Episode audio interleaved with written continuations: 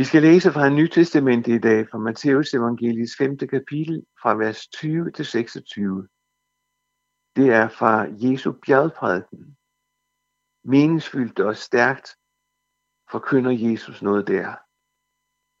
Vi læser i Jesu navn. For jeg, og det er altså Jesus, jeg siger jer, hvis jeres retfærdighed ikke overgår de skriftkloge og farisæernes, kommer I slet ikke ind i himmeriget. I har hørt, at der er sagt til de gamle, du må ikke begå drab, og dem, der begår drab, skal finde skyldig, skal kende skyldig af domstolen. Men jeg siger jer, en hver, som bliver vred på sin bror, skal kende skyldig i domstolen.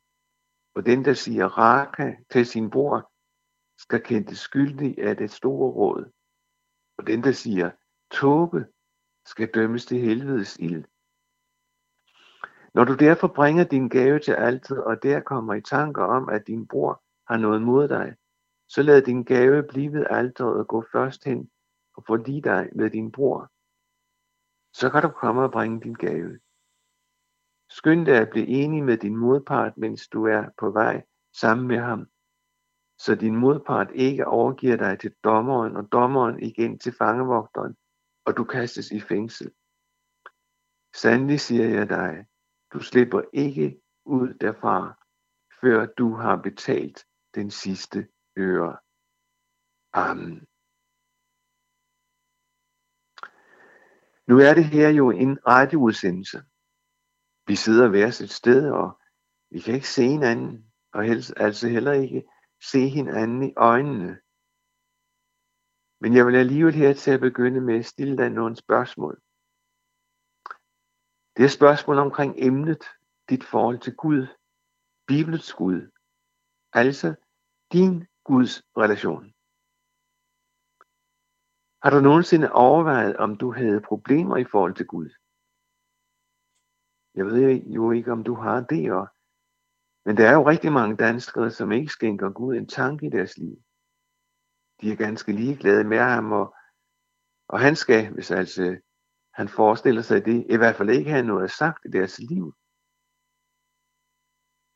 Men må du har det på den måde.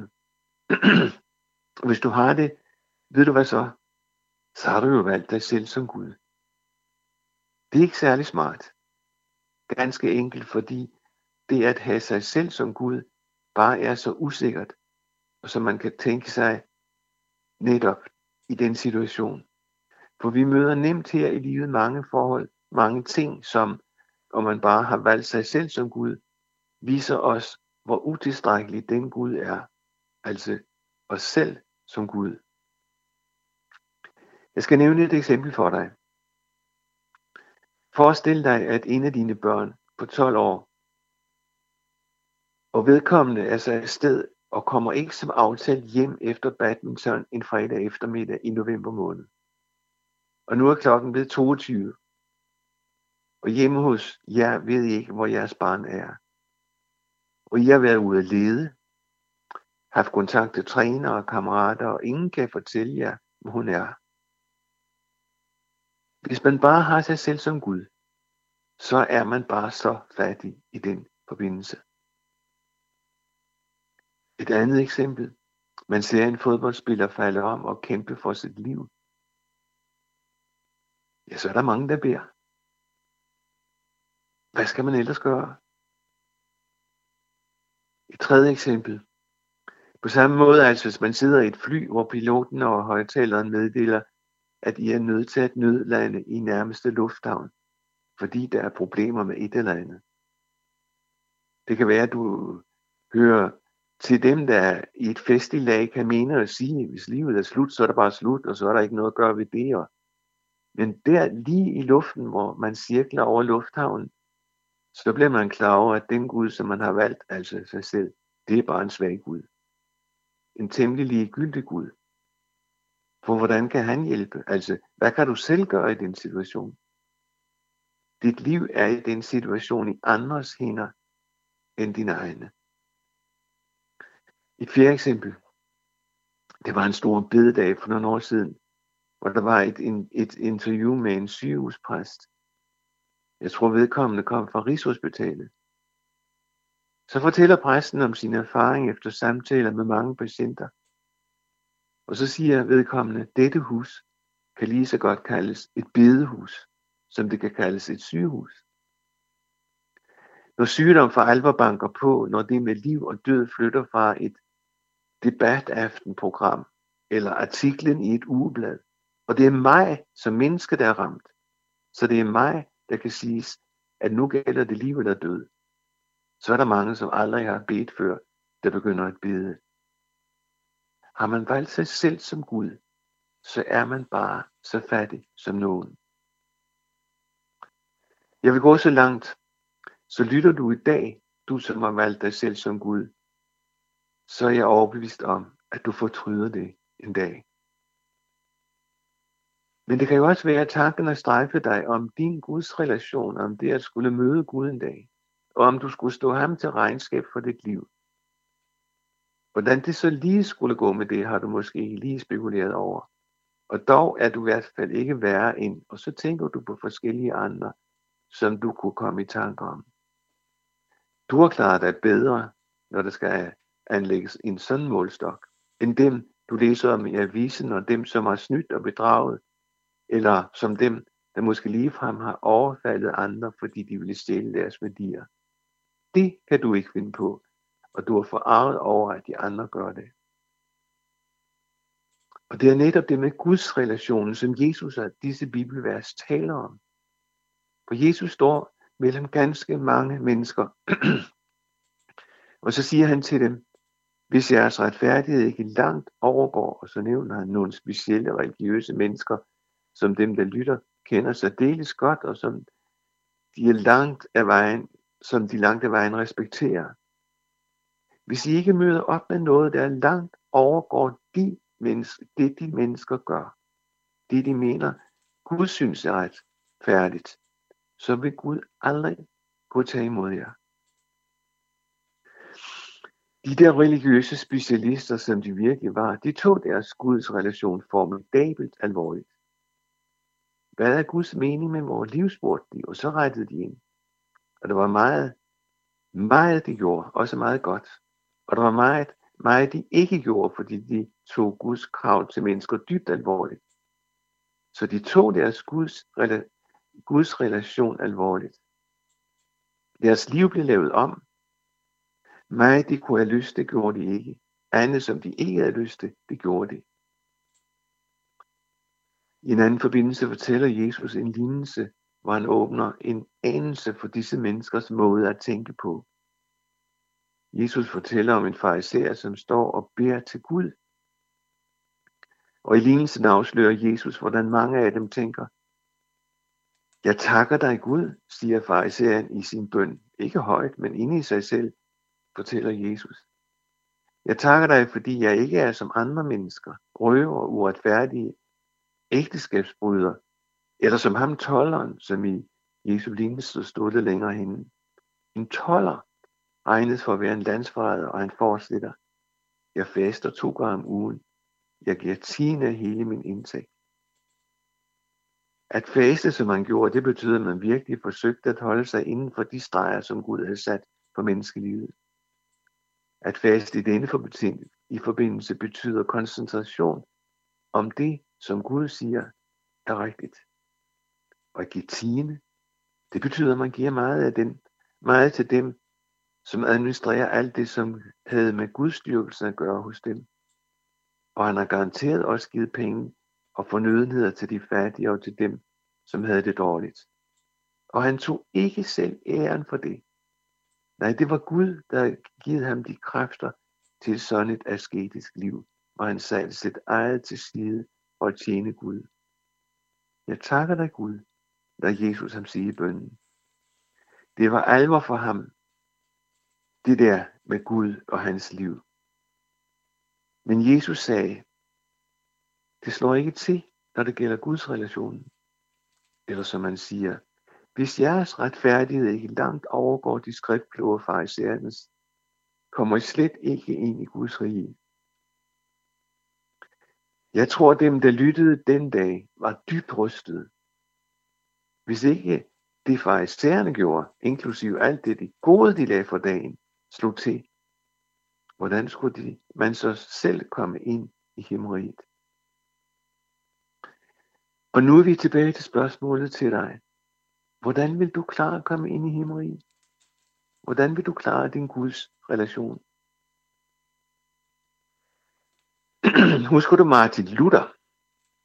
Han reformatoren. På et tidspunkt i sit liv kæmpede han en voldsom kamp. Hans problemstilling var, at det han ikke kunne finde ud af, eller øh, han ikke, hans problemstilling var, eller det han ikke kunne finde ud af, det var, hvordan får jeg dog en nådig Gud? Og han kæmpede. Du husker måske, at han gik i kloster for på den måde at tjene Gud. Og han valgte en af de strengeste klosterordner, man finder, med flest regler. Han levede om nogen et asketisk liv. Han mente det fuldstændig alvorligt med sit forhold til Gud. Og alligevel var kampen der. Usikkerheden. Hvordan får jeg dog en nådig Gud? Og altså ikke bare en Gud, der dømmer mig ikke fortabt, fordi jeg ikke lever op til det, som han siger, jeg skal. Meget af det, som han vidste, var Guds vilje. Det er han ikke måtte slå ihjel. Det havde han ikke gjort. Og det vil han ikke gøre på samme måde med det at stjæle. Også mange af de andre synder, dem kunne han slippe.